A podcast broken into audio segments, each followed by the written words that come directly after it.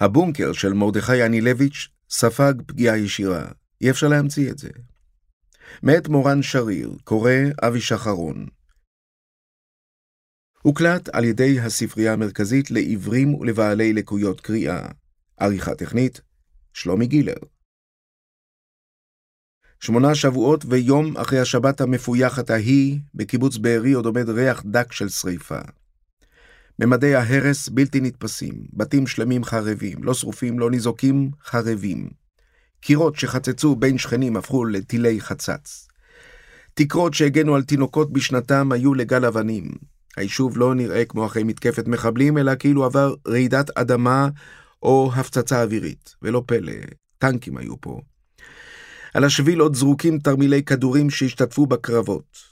על קורות העץ של אחת המרפסות אפשר לראות דם יבש של אב אחד גיבור, שיצא באותו בוקר עם כוס קפה ואקדח להגן על משפחתו.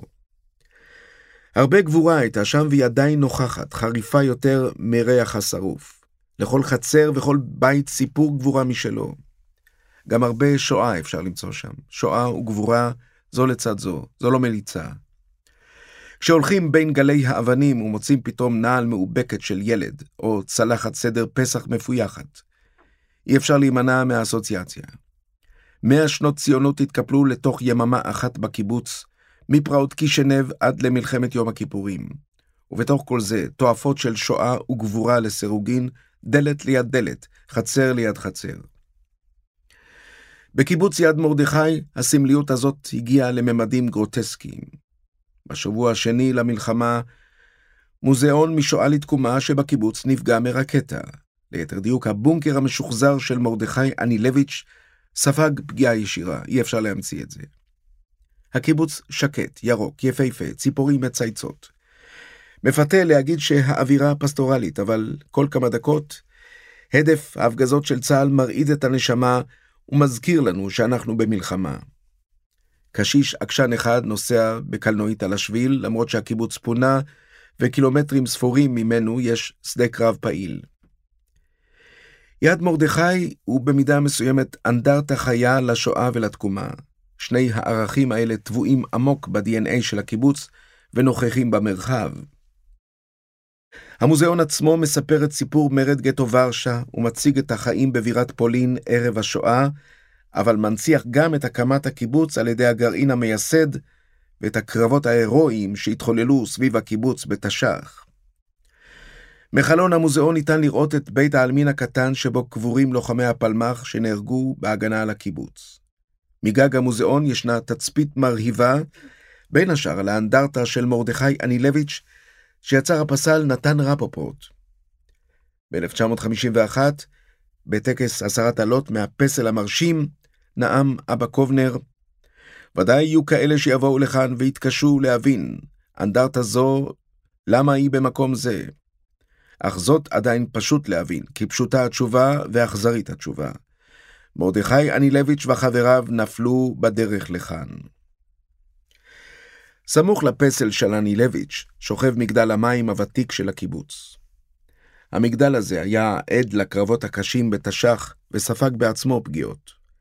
הוא החזיק מעמד לאורך כל המלחמה, כשבשלב מסוים התנופף מעליו דגל מצרי. בתום מלחמת השחרור קרס המגדל כמי שאומר, אני את שלי עשיתי. על גג המוזיאון מונחים קרשים, זכר לתצוגה ישנה של קרון רכבת וחלונות מפורקים מעוטרים בגדרות תיל. חפצים שניתן למצוא בחצר אחורית של מוזיאון שואה. באופק, דרך האובך אפשר לראות במעורפל את עזה עם ענני העשן שמעליה. כל כמה דקות פיצוץ חזק מרעיד את הבניין ומזכיר לנו איפה אנחנו נמצאים ולמה. על גג המוזיאון ניתן גם להבחין בתלולית של קצב פוליוריטן קשיח. החומר נועד לסתום באופן זמני את חור פגיעת הטיל, כדי שלא יחדור גשם למוזיאון. במובן מסוים זה מעט מדי ומאוחר מדי. הרקטה שחדרה את תקרת הבניין ונחתה בתוך הבונקר של אנילביץ' פגעה בצינור ארבע צול של מערכת כיבוי האש. כמות אדירה של מים הציפה את המוזיאון ופגעה במוצגים ובמערכת האורקולית. למעשה, איש לא ידע שהמוזיאון נפגע, עד שחברי כיתת הכוננות של הקיבוץ ראו כמויות של מים זורמות מתוך המוזיאון החוצה. את עלות הנזק קשה לאמוד. תצוגת הבונקר משחזרת את המחבוא התת-קרקעי של אנילביץ' וחבריו ברחוב מילה 18 בוורשה. קירות החלל בנויים לבנים אדומות, ובמרכזו שחזור של תנור פח מאולתר עם ערובה. בכניסה שולחן אוכל עם כיסאות עץ, ועל הקיר מדפים שעליהם קופסאות שימורים. בהמשך החדר, מערום מזוודות, דרגש שינה, עששית ובגדים ישנים. על שרוול המעילים של לוחמי אייל מופיע מגן דוד כחול על רקע לבן. מעין אנטיתזה לטלאי הצהוב שנאלצו תושבי הגטו לענוד. המוצגים עצמם אינם אותנטיים, אלא שחזורים עכשוויים. על הקירות תלויים גם מפה של הגטו וצילומים מאירועי המרד, הילד שמרים ידיים, פטרול חיילי אס אס לצד בניין בלהבות, לוחמי המרד מעל הריסות הבית שבו הסתתרו. הבית שמופיע בצילום הוא ערימה אחת גדולה של אבנים.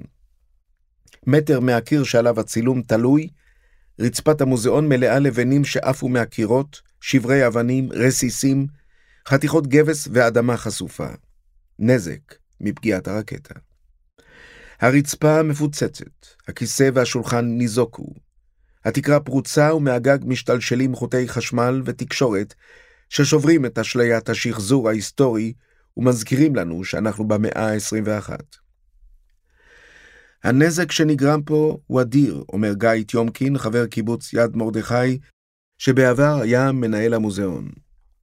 נזק גם בפן של הרכוש, גם בפן של המקום שסגור ואין לנו הכנסות, וגם בפן שמי יבוא לפה אחר כך. איזה הורה יסכים שהמשלחת של הילדים שלו תבוא דווקא לכאן, ולא ליד ושם או לוחמי הגטאות? לא תשקלו להוסיף מיגון לבניין? זה מבנה עטור שבחים ופרסים בינלאומיים, אף אחד לא ייגע במבנה. יד מרדכי ממוקם בסך הכל שני קילומטרים ושמונה מאות מטרים מהגדר. ב-7 באוקטובר היה לקיבוץ הזה מזל, יחסית לשכניו. ארבעה לוחמי מג"ב שהוקפצו באותו בוקר נלחמו מחוץ לקיבוץ בחוליית מחבלים שהייתה עדיפה עליהם בסדר כוחות ובנשק. הארבעה העסיקו את המחבלים עד שלוחמי ימ"מ שנקלעו למקום הצטרפו עליהם. יחד הם מנעו מהמחבלים להיכנס לקיבוץ ולטבוח בחבריו. זה היה הקרב השני על יד מרדכי, 80 שנה אחרי הראשון. טיומקין מתגורר בימים אלו במלון בחדרה יחד עם אשתו ושני ילדיו. הוא הגיע למוזיאון כדי להראות את הנזק לאיש מס רכוש, אבל האיש לא הגיע. טיומקין מכיר טוב את העבודה, הוא עצמו שמאי רכוש במקצועו, אלא שהמלחמה נאלצה להפוך גם אותו לקרבי. טיומקין, גבר חייכן, מגיע חמוש באקדח, במכונית שעליה מדבקה גדולה של רכב ביטחון. גם התחביב שלו שימש אותו להגנה על משפחתו ב-7 באוקטובר. אני מתעסק בבשר, אז יש לי סכינים רציניות, ישבתי וחיכיתי בבית עם סכין בכל יד ובקבוק תבערה, כשאשתי והילדים בממ"ד. באמת בקבוק תבערה? באמת. ממה הכנת? טקילה, וודקה ואצטון. טיומקין מספר שכשהתחילה המתקפה, הוא הציב מצלמת גופרו על חלון הבית כדי שתהיה לו תצפית. ישבתי עם שני סכינים ועיניים על הגופרו, ואז אמרתי, לא טוב, הם יבואו עם נשק, הכדור הראשון הורג אותי, עברתי למקום אחר כדי שיהיה לי יתרון עליהם. בינתיים בן דוד שלי שלח לי איך להרכיב בקבוק תבערה. למזלי, לא הייתי צריך לבדוק אם זה עובד. החשמל במוזיאון מנותק והחדרים חשוכים, מה שמוסיף לאווירת הדחק שהשואה והתקומה משרות בלאו הכי. מחוץ לבונקר של אנילביץ' ניצב כותל המרי, קיר בטון מלחיץ למדי, שעליו תבליטים עם שמות של קהילות יהודיות שבהן היו התנגדויות לנאצים. מאורת הזאב, נקם וילנה, קומנדו דוידוב, יוצאי מרקושוב, לוחמי סלוניקי, מורדי סוביבו. כותל המרי היה רעיון של אבא קובנר, שביקש להנציח את שמות המחנות הלוחמים אשר לתנועת ההתנגדות היהודית ביערות, בגטאות, בערים, במערכי צבאות הברית ובמחנות המוות על אדמת אירופה. סוף ציטוט. גם הקיר הזה נפגע, וחלק מהאותיות בשמות הקהילות ניתזו מהקיר אל הרצפה, ועכשיו הן שוכבות שם מרוסקות ומפוזרות ליד רסיסי אבנים ובטון. קובנר, פרטיזן ומשורר שהיה ממקימי המחתרת הלוחמת בגטו וילנה, ליווה את תכנון ועיצוב המוזיאון בסוף שנות ה-60. ב-1942 קובנר היה זה שקרא לתושבי גטו וילנה, אל נלך כצאן לטבח. הוא היה טיפוס חסר שקט, שחוויות השואה ליוו אותו שנים קדימה בחייו. במידה מסוימת, רוחו האינטנסיבית של קובנר שורה על המוזיאון כולו. לאורך כל חייו היה איש עם חזון יוקד, שזו דרך סולידית לתאר אדם שתכנן להמית מיליוני גרמנים אחרי המלחמה, על ידי הרעלת מקורות המים של כמה ערים גדולות בגרמניה. המוזיאון נפתח לקהל ב-1968. הבניין תוכנן על ידי האדריכלים אריה ואלדר שרון, שזכו עליו בפרס רכטר לאדריכלות. כ-40 שנה אחרי פתיחתו, המוזיאון עבר התרעננות מסיבית. ב-2011 הוא נפתח מחדש עם אטרקציות כמו הבונקר המחודש, מיצג חווייתי של קרון רכבת בתנועה, למחנה השמדה, ומקרן שמציג טלאי צהוב על חזה המבקרים. לא כולם התלהבו. יובל סער, כתב העיצוב של הארץ בשעתו, כינה את התצוגה דיסנילנדית, וכתב, קשה להשתחרר מהתחושה שהפירוטכניקה, המולטימדיה והאפקטים השונים משמשים כר פורה להעצמת הפורנוגרפיה של זוועות השואה. מעצב המוזיאונים דוד גפני עבד על העיצוב החדש במשך שבע שנים, והוא גאה מאוד בתוצאה. כל סנטימטר שם זה עיצוב שלי ועבודת אומנות שלי. עוד כשהיה מעצב צעיר במשרד אדריכלים, עבד יחד עם אבא קובנר על העיצוב המקורי של המוזיאון.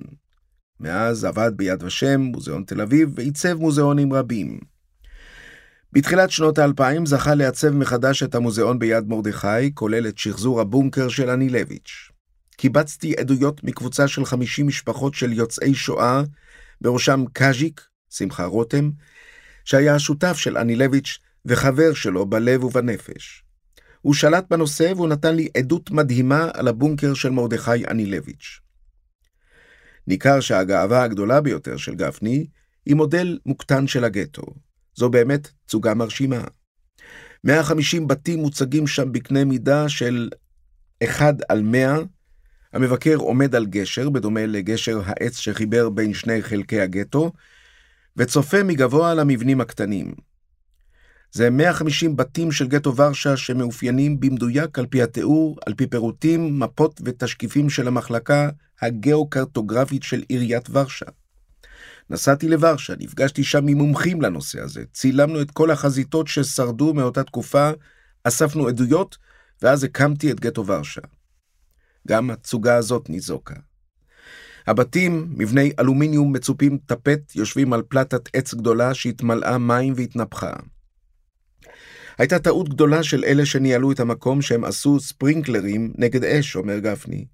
הם חשבו שזה לא יציף את הכל? מי שלמד מוזיאולוגיה יודע שלא עושים דבר כזה. עושים התזה של אבקה או אלמנטים של גילוי עשן בלבד. יש שם חפצים יקרי ערך, ייחודיים. גם הרפליקות שם מאוד מיוחדות. במרתף המוזיאון מוצג בית אנילביץ', חלל המתאר את חיי הקהילה היהודית בוורשה ערב מלחמת העולם, דרך הצגת פנים של בית אופייני. המים שהציפו את המוזיאון גאו כמטר מעל הרצפה בקומה הזאת. גם בחושך ניתן לראות את סימני הרטיבות על הטפט. חלק מהקרשים ששימשו כרצפה מפורקים. ידעתי שהאדריכל שרון בנה את הבניין עם בטון בשכבה מוגברת, אומר גפני, אבל הטיל חדר את התקרה הזאת ונפל לבונקר, התפוצץ והעיף כל מיני דברים.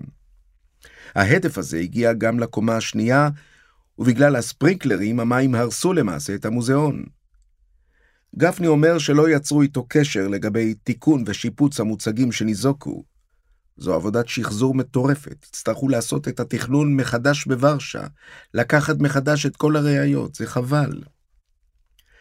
הוא מספר שבזמן שעבד על המוזיאון, היה תחת מתקפת קסאמים בלתי פוסקת. שש שנים עבדתי, וכל הזמן הייתה אזעקה צבע אדום, צבע אדום. הייתי המוזיאון הקרבי היחיד בעולם. אני קצין מודיעין, הייתי גם מפקד מוצב תל פארס במלחמת ההתשה, אז יש לי קצת ניסיון, אבל כאלה טילים שעפים אחריי, לזה לא התכוננתי. אחרי שנגברת השיחה הוא מתקשר שוב, משום שנזכר שבעצם יד מרדכי הוא לא המוזיאון היחיד שלו שנפגע. בזמן שעבדתי על יד מרדכי, נפל טיל בחצר ליד מוזיאון שאני עשיתי, נתן הדף ופוצץ לי מוזיאון שלם. איזה מוזיאון? מוזיאון הציונות בקומה השלישית של מכללת לוינסקי. הייתי צריך לעשות את כל המוזיאון הזה מחדש.